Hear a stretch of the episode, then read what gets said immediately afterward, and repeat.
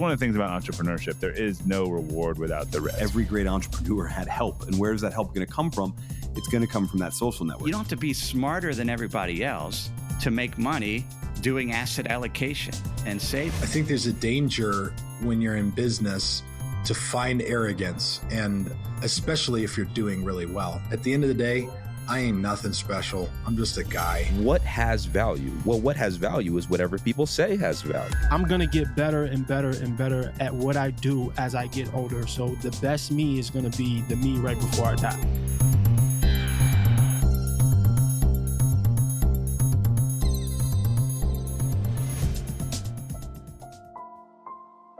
Hey, family, welcome back to another episode of the Marketplace Podcast, episode 128. I'm your host, Priest Willis, and today I have Minter Dial, who's a storyteller, filmmaker, two time author, and an international professional speaker.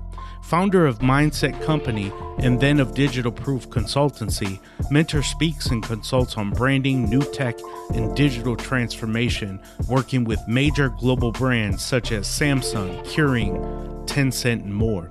Prior to setting up his own ventures, Minter led a 16 year international career with L'Oreal Group, including nine different assignments in France, England, USA, and Canada.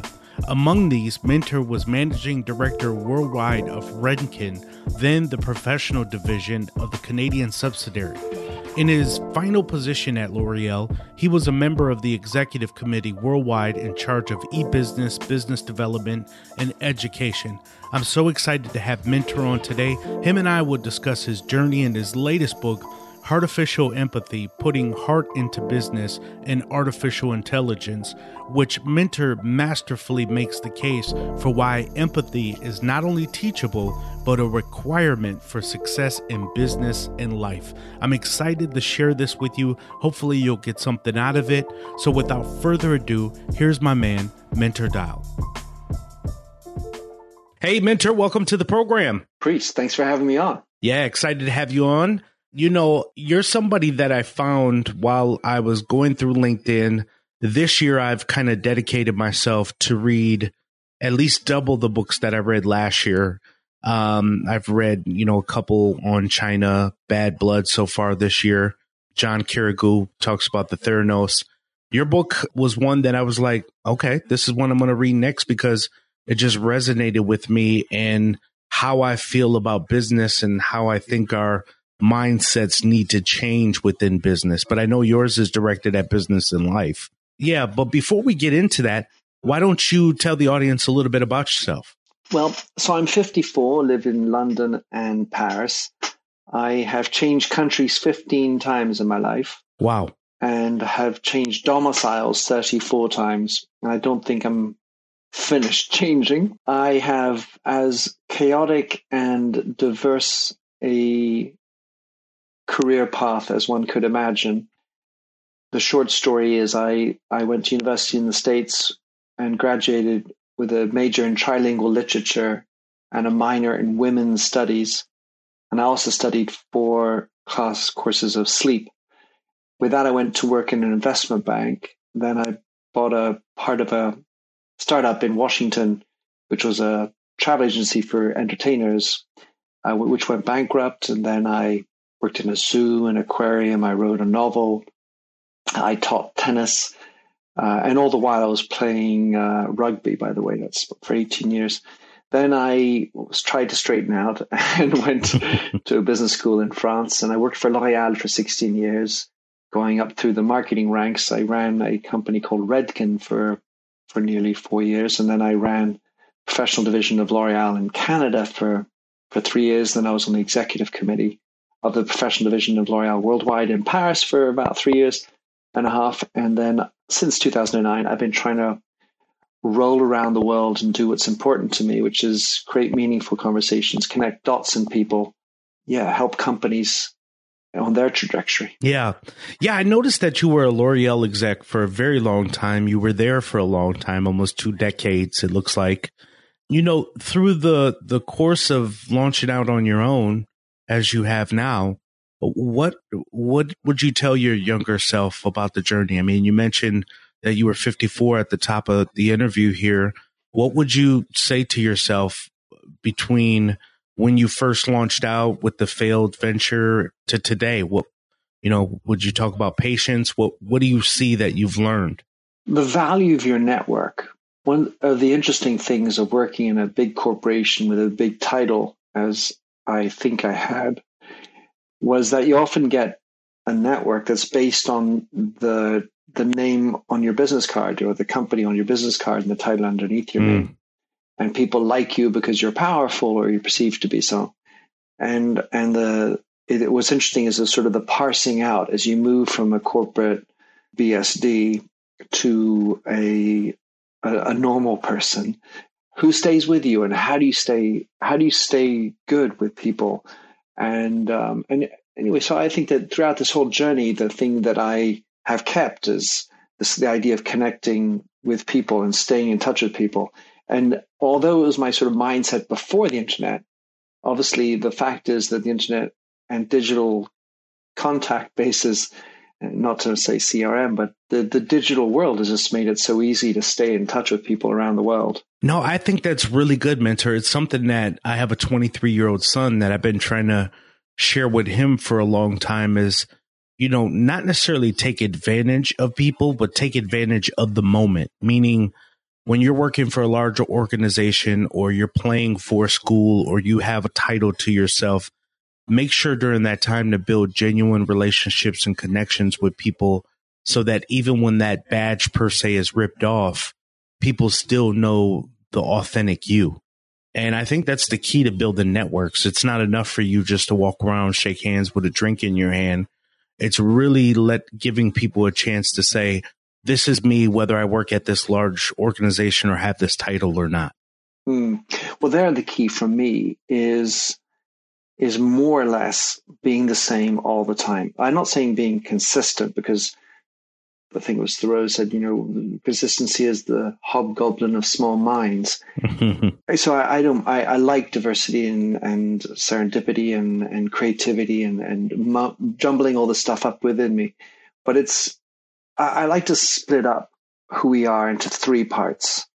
There's the professional side, there's the personal side, and then there's the intimate side. And my observation in business and in business schools, for example, is that we tend to focus everything on the professional element.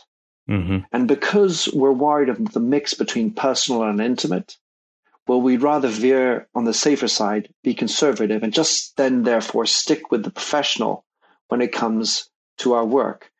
And, you know, there we're going to focus on being performing and, and, you know, perfect and, and kick ass efficiencies and so on. And yet, really, I think the fact that we try to cut out the personal side, where we can't talk about things like, God forbid, sex or sense of humor or make mistakes, by the way, then we are, that's where you get that disenfranchisement, the lack of engagement of the people in the workforce. So, of course, the intimate side, this, the dirty secrets, and, and we should have those, and, and they need to be kept secret and private it shouldn't be an excuse for not bringing your whole person to work.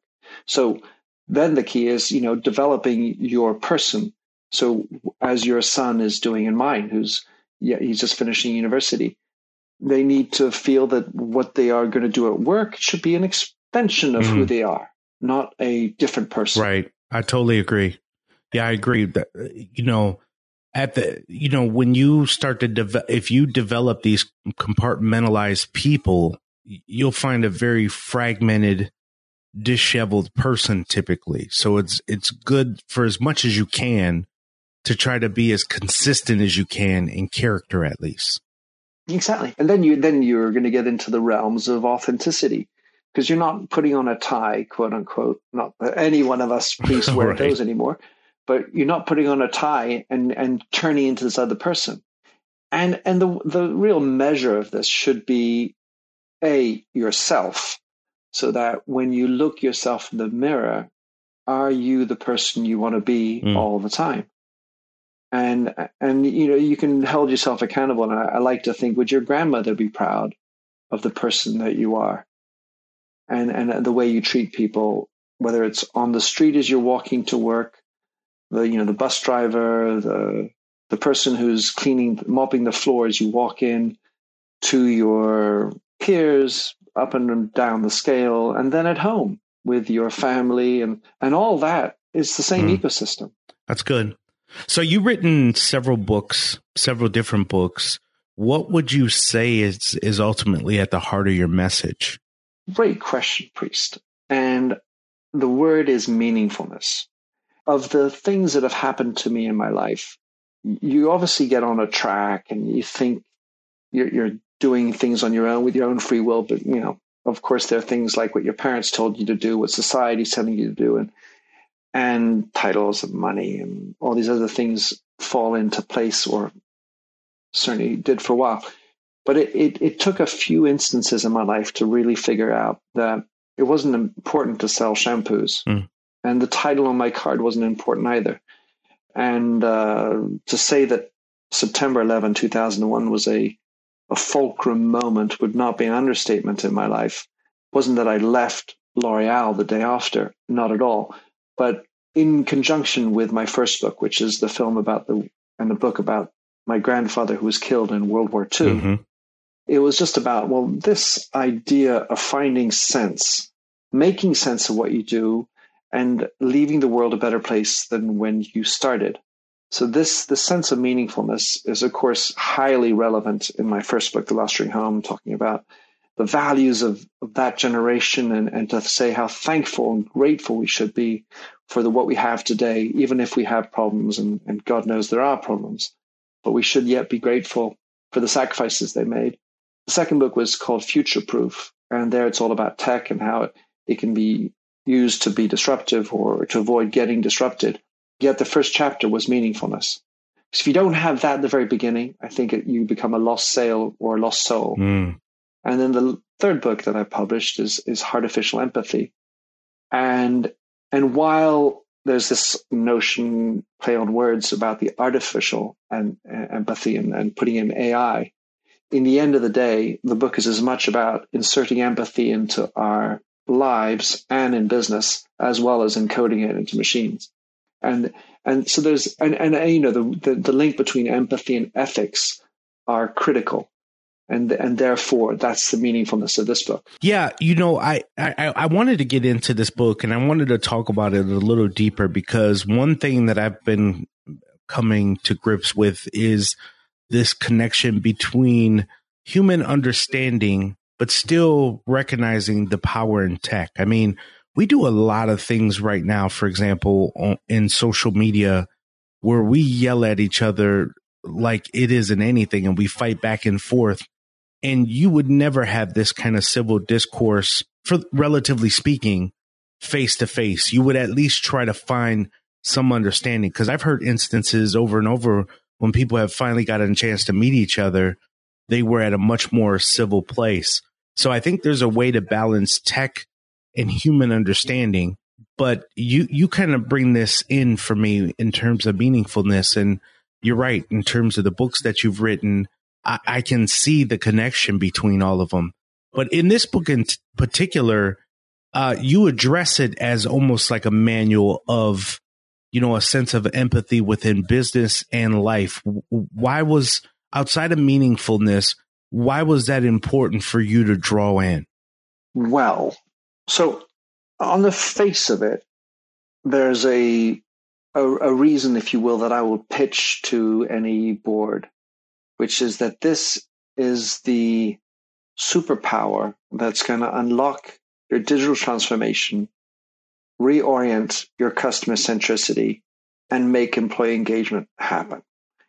You know, once that's mm-hmm. a mouthful and and so there's a true I, i'm very committed and convinced about that for business but that isn't why i wrote the book to be exact the real reason i wrote the book was that i had uh, a little bit of a come to jesus moment mm-hmm.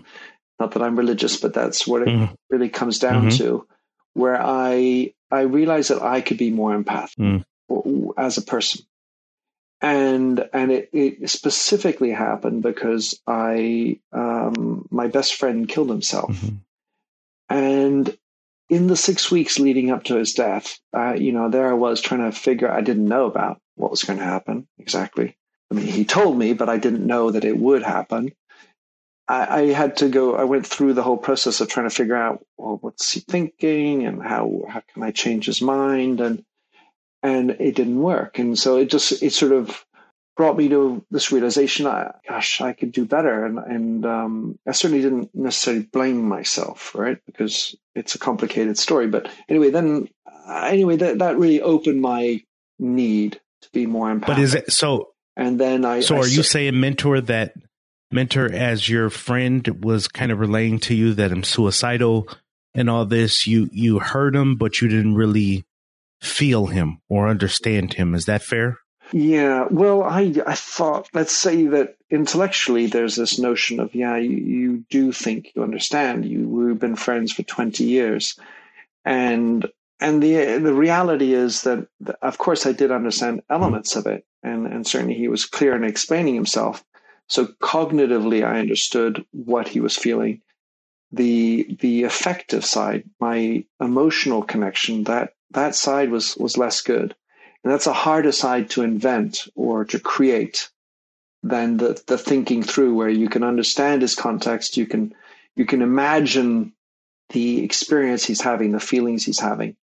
But feeling them yourself, I was far from that. Mm. How do you change that? You said you were you wrote the book. I, I imagine it was therapeutic for you in one sense, but how do you start working on that? So we as individuals were listening and we probably would say, well, if my friend told me to kill myself, I'd do this, but you don't know how you would react. So how do you start turning it on the inside and start to work on yourself to be more, uh, have more empathy toward others?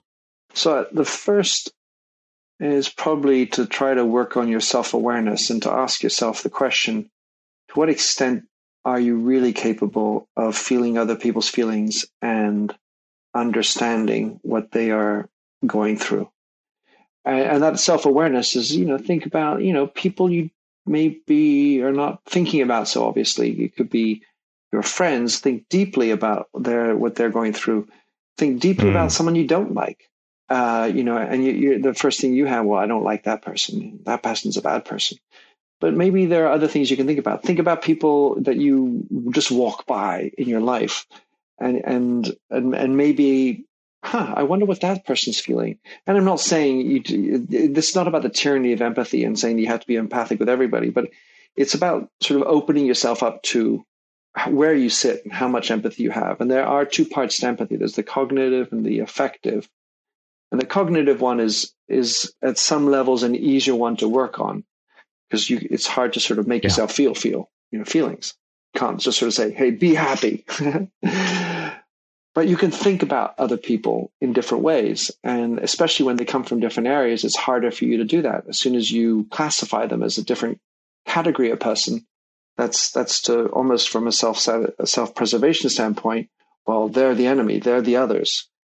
And, and yet, within the others, if we're talking about diversity, we're talking about collaboration or co creation, then all of a sudden empathy becomes the glue, the thing that pulls us together. What's the dangers in it, Minter? Well, th- there are several dangers, and uh, the, at the at the easy level, the the danger is that it, or the problem is, it takes a lot of time, and and you can get if you become too empathic, you could actually be distraught. Mm. So this is problems that often happens with people in business in in areas like being a nurse, where you know if you're surrounded by people in palliative care, it's it can be really traumatic to be constantly thinking not just about the person who's dying, but the, the family around them, and and seeing that suffering all the time. You can it can really bear down on you, and you get. And it happens to veterinarians a lot, by the way. Mm. I have a friend who's a vet who's been talking to me about that. It's not just about the animal, but it's the people who own the animal as well. And so there's there's that risk. There's a second one which is much more darker, and that is that on the that take the example of the sociopath. Some sociopaths are very good at targeted empathy because they have a manipulation that they wish to achieve. And as businesses get into, and I, this is the I say the warning bell I, I want with this book is as businesses get into the idea that empathy is actually the superpower, Mm-hmm. what they're going to do is some of them do the shortcut and sort of outsource it. So they, they're going to say, hey, listen, you're my sales team. You got to be empathic, but I'm not going to treat you empathically. I'm just going to tell you Mm, to be empathic with my customer mhm. or customer service or social media or my bot because I'm not empathic, but I'll make the others be empathic. And, and let's take the ethics behind an empathic bot. So if, if priest, you're interfacing with this bot and the bot is being empathic with you, uh, you know, hi priest, I see you're, you know, hanging out, you're feeling jovial, you're feeling sad. Well, what I think would be a really good idea is for you to have this service or buy this product because that will really help you out. Mm, And and so the way that that can go down is that if that's not contained, this bot will sell you more things than you thought you needed because it's going to know you better and it's going to be able to read your emotions. It's going to be able to hit your hot buttons and it'll lead you down a path which is not what you want. So the point there is that if empathy were to be misused with a poor ethical construct, then you could really see some malevolence and think about that. Imagine how if your gambling sites became more empathic, quote unquote, with gamblers or other other types of businesses that are, you know, they're preying on weakness. Amazon will figure this out because right now I can just look at something and I'll have toothpaste delivered to my house. I don't even have to click the one click button. so they'll figure. know, you've got you, you're rolling you're, you're rolling your tongue around your teeth, and it knows that. yeah, they're like time, time for a box of toothpaste. They'll figure out how to be. They'll, they'll see me come in to- from a, a tired day of work and just send me a six pack. I don't know. Well, they, they're going to tie in with you where you're doing that evening. They're going to say, "Hey, listen, he's going out. Priest is going out for a date with his wife. Should send him some toothpaste or mouthwash to make him, you know, jazzy." That's right. To make him more appealing. I want to thank today's sponsor, Blooom. Do you guys have a 401k of some kind? You're always wondering if you have the right investments, if you're picking the right thing, and you're just not fully sure? Well, Blooom with three O's, B L O O O M, does free analysis of your current employee sponsored retirement plan. You get to understand your investments at a glance and uncover unnecessary hidden fees. Then you put them to work. You put Blooom to work with your account for $10 a month, and they'll essentially fix your 401k by optimizing your fund choices and minimizing those hidden fees. And then at that point, you just sit back and let them do what they're going to do. Now, I found out about Blooom because of David Stein. I was listening to the podcast Money for the Rest of Us, and he mentioned Blooom, and I just wanted to check to see if I was picking the right investments. And I wasn't that far off. There was a few tweaks, but the concept itself of Blooom is amazing. Go in today's podcast notes and check it out for yourself. Blooom, B L O O M, for your 401k analysis. Let's get back to the show. So tell me, uh, you know, there's one there's one chapter that I read in the book which I thought was really interesting was about empathy and storytelling, which I know um, I wanted to get into where you talked about your grandfather because you and I kind of talked offline. My grandfather was um, in the war as well, and uh, we kind of shared some stuff back and forth. So you're a storyteller by nature. You can tell by the writings in your book, the trailer that I've seen for the Last Ring Home, and your from your other book. How does empathy and storytelling go together, though? Is that you feeding off of the audience, or what? How does that how does that shape out for me? Right. Well, I think the first thing that's interesting in, in terms of concrete tips towards becoming more empathic is is that any good storyteller should read more. Mm. Like you said, reading more this year. And and I'm not saying reading business books. Actually, I'm saying read literary fiction. The idea there is that you expand your horizons because inevitably what you're going to do is read about people who are not like you. Mm. And that's the that's a priming element to becoming more empathic. And plus you're going to read other stories, you're going to learn about other stories. And and that's great to becoming a storyteller. As you turn into becoming a storyteller and the idea of creating great content stories, well the key is to think in the shoes of the person who's receiving the information because you might have an intention to be a great storyteller, But if the person who's listening, you know, people who are listening to this particular podcast says, "Oh my god, this guy bores the hell out of me," well, then I'm not doing a good job. I'm not thinking through. I'm not removing myself from my own head and my own little world and the messages that I want to go for. What are these people who are listening to their through their headphones, going on a jog, commuting to work, going on a walk, or, or wherever they're listening to us? What are they doing, and and and what what are the types of stories that they're going to want to listen to? And so, whenever you're doing the story, think about your audience and think about what context they're in, because that counts. Uh, the the fact is that podcasts are a brilliant medium because they go we go we go through this very intimate a headphone or earphone, and we are directly piped into your brain, mm. and it, it's a beautiful way. And you can use beautiful tools and sounds and like ASMR or, or silence to augment the experience of listening. So as you and I are speaking, if I were in a storytelling mode, I'd want to be using this audio to be different. And, and, and so anyway, so these ideas here are, are hopefully some version of empathy. And, and you need to bring that to the story that you're trying to mm. tell. How, you know, without seeming disingenuous about it, how do you build empathy as a brand? Uh, particularly you know, mm. where empathy is most important is in places like customer service, I imagine, or just some customer centric part of the business. How do you build that as a brand in a genuine way?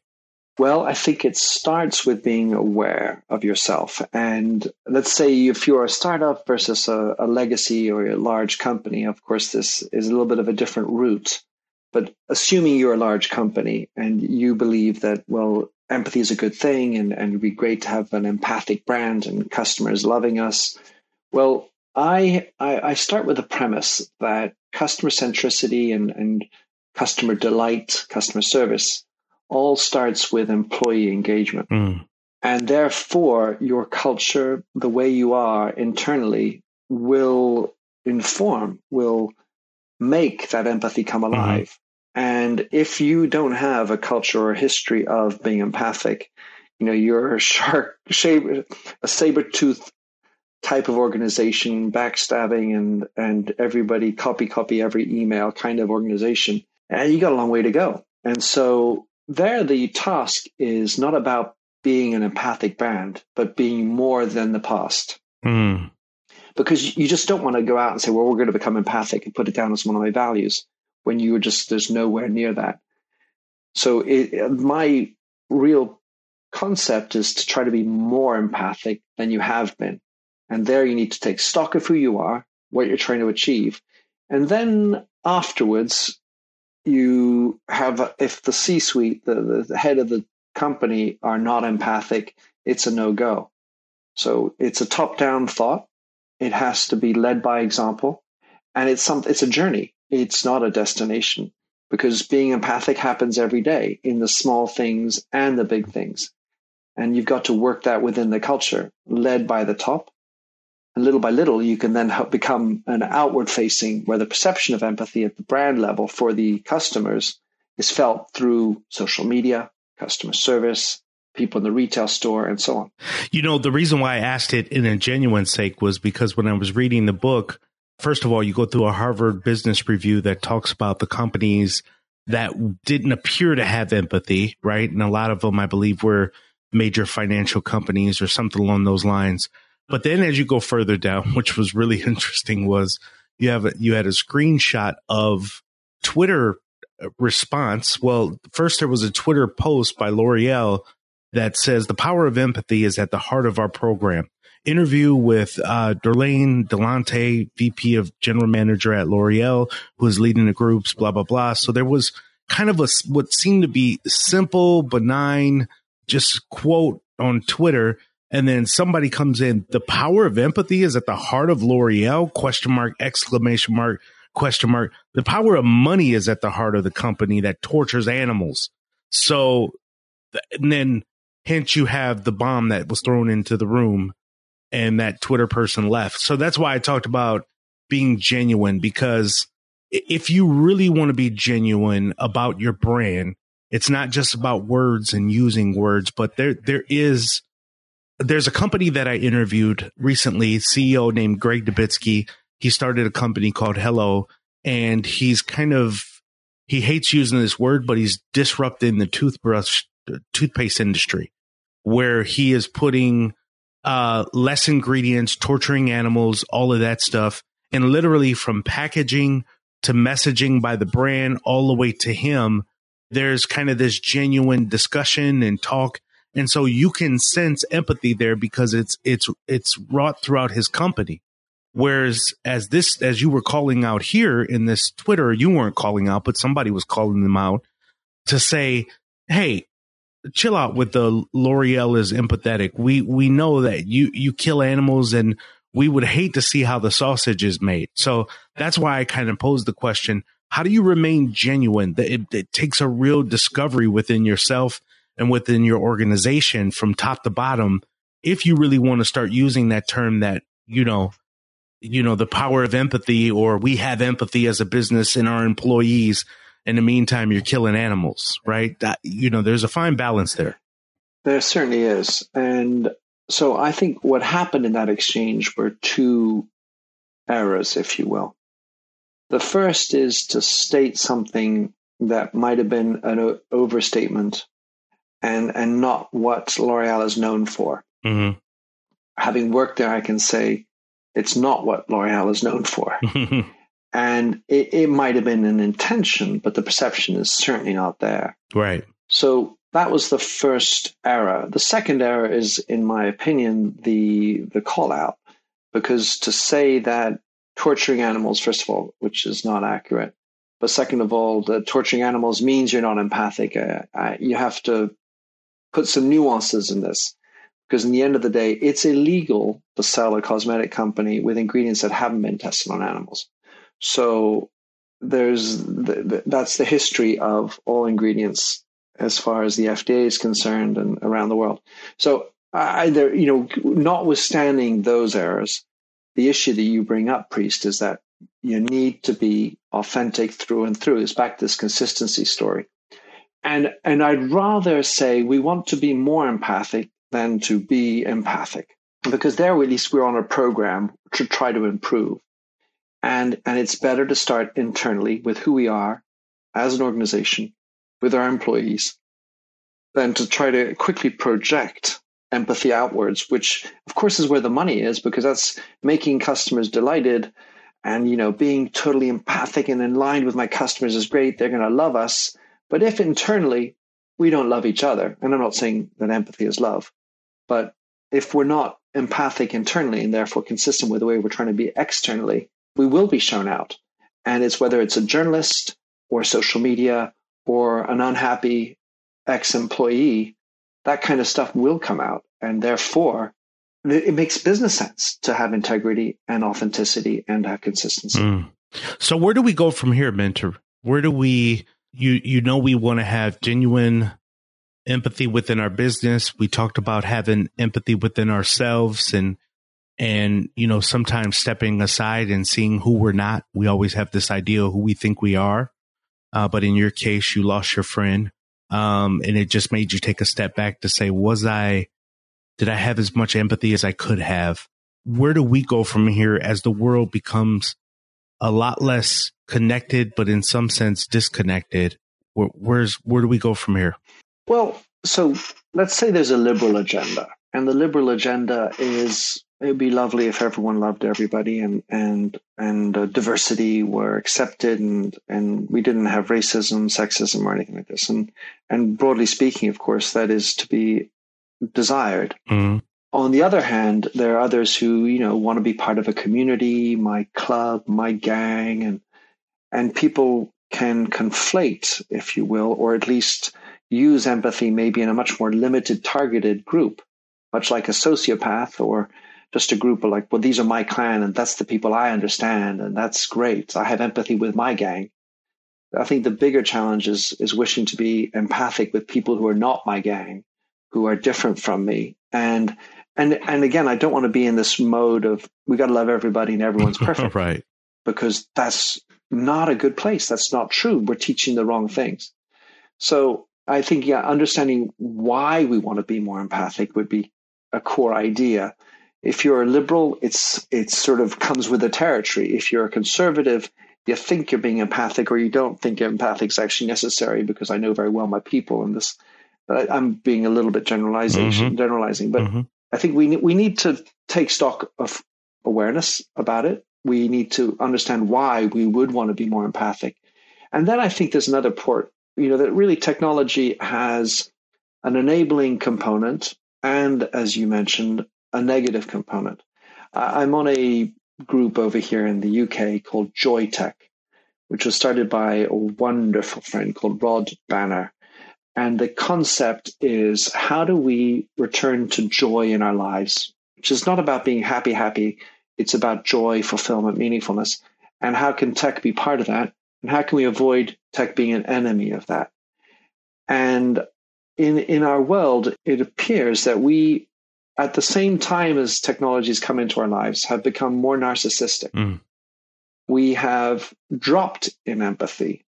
And, and so technology has great things to it, but we need to be aware of the issues that are there, the, the mental health challenges that we're facing, the fact that 84% of digital transformation fa- are, are failing, the fact that about 80%, eight out of 10 people are disengaged from their work much less feeling disenfranchised with politics and all this mm-hmm. other stuff. We have some big challenges, and and so my in, encouragement is is to disconnect, to go out and, and play in the mud, smell the air. I have to think that meditation is is really great for everybody. Feel your lungs breathing with air, and and be present. And I, I don't, I'm, I'm, no guru of any sort like this, but I, I know how much meditation has helped me deal with stuff. And, and when shit hits the fan, as it mm-hmm. will, it's helped me get through it. And if someone gets angry at me, they're they're doing it for a reason, and I and I try to flip into understanding that instead of, instead of getting more irate, because still people get irate even in you know in real oh, life, face to face, not just on totally. social media. I, I was always told that meditation was a, a was a guard, particularly now I don't do meditation. And this is no judgment in any way, but I don't do rain, rain, rain, rain, and uh, this chanting. But I sit still in quiet, in peace, and listen to my inner thoughts, and just listen to my body. And I try to do it early in the morning before the day started because, as you pointed out, stuff will happen, things will hit you, and try to shake you a little bit. And just having that peace that sort of passes all understanding is something to have in place. I remember uh, Minter going into the Milwaukee County jails when I stayed in Wisconsin, and I used to go in there and speak to the men and uh, spend time with them in the jails. And um, I remember when they would be on lockdown, so I would come in and they say, "Nope, you can't talk to them today. They're on lockdown." and they would be in there. They would throw feces inside the jail and they would be upset and they would just, and not necessarily upset because they couldn't speak with me, although I would like to believe that. I know that wasn't the case. And uh, the, the reason why was because now they are left quietly locked up, confined and left to their own thoughts and who they are and who they've tried to ignore through noise and talk and this and that and now they're left for, in that quiet moment to their own thoughts and they don't like who they are, what they've become, what they're listening to. And um, it just showed me how important it is to kind of spend time within yourself, if you will. And that's that's the importance around meditation, I believe. And that's what it's done for mm. me. Well, so however you get there, the interesting thing I believe, is the acuity of your listening. Mm. Because if you can spend some time focusing on you, then perhaps that liberates some space for me to listen to someone else. Right. And, and so meditation is actually about sort of clearing out the thinking because that, that's what you, you give yourself a cleaner slate. So when I go back out there, I can be really intently focused, not just on the words that are coming out of your mouth, but what's happening if there's a gulp, an eye movement, and, and you can be much more aware of what's happening in the other person if you're not as focused on the zit on my nose. You know, if, if I'm worried about the zit on my nose, it's very hard for me to listen to. right. Very true. And and this process of cleaning it out and uh, you know giving space for listening because actually that listening uh, outside of the business element which just makes you a much better salesperson if you know how to listen you can find out so much more. And instead of having your filter which will of course color what you hear you you can see the intention that's behind someone else.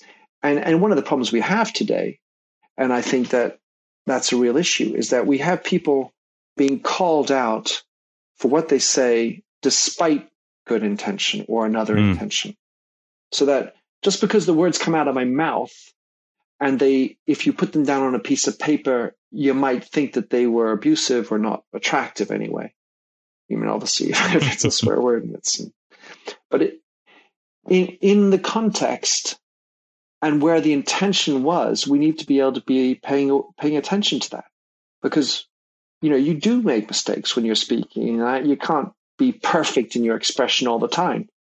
And so if I if I'm coming across with any level of disingenuity and lack of sincerity, well, it doesn't matter what's coming out of my mouth; they're just not going to want to listen to it.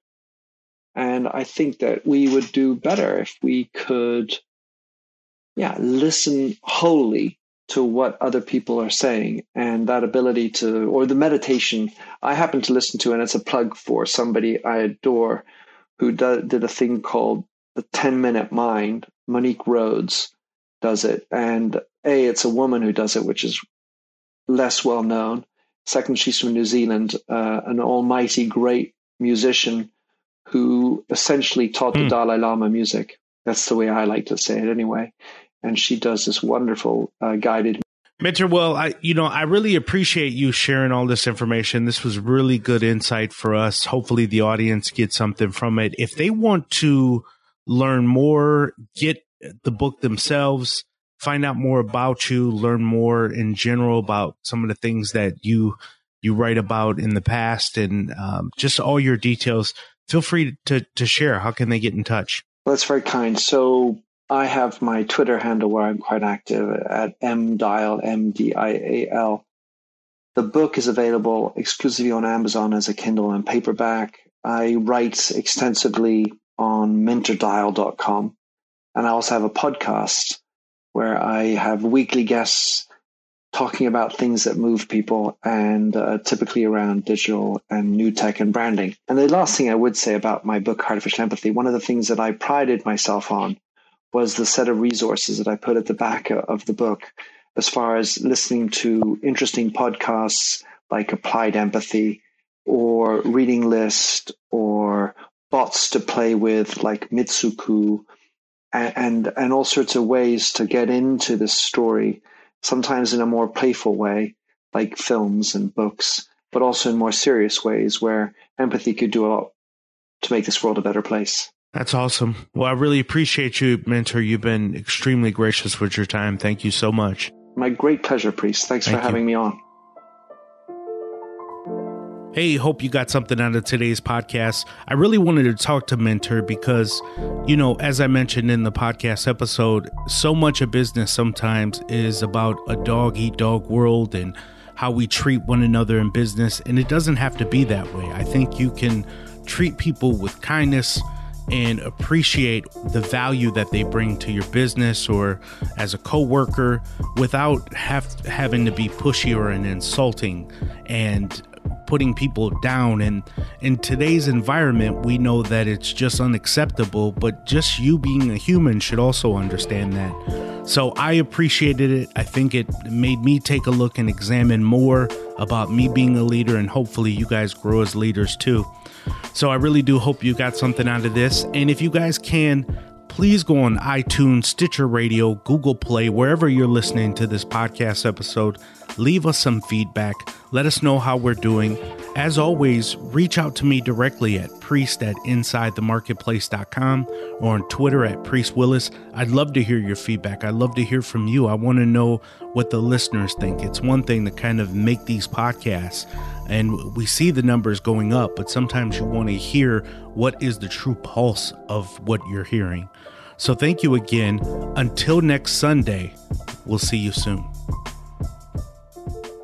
I'm the best ever. My style is impetuous. My defense is impregnable, and I'm just ferocious.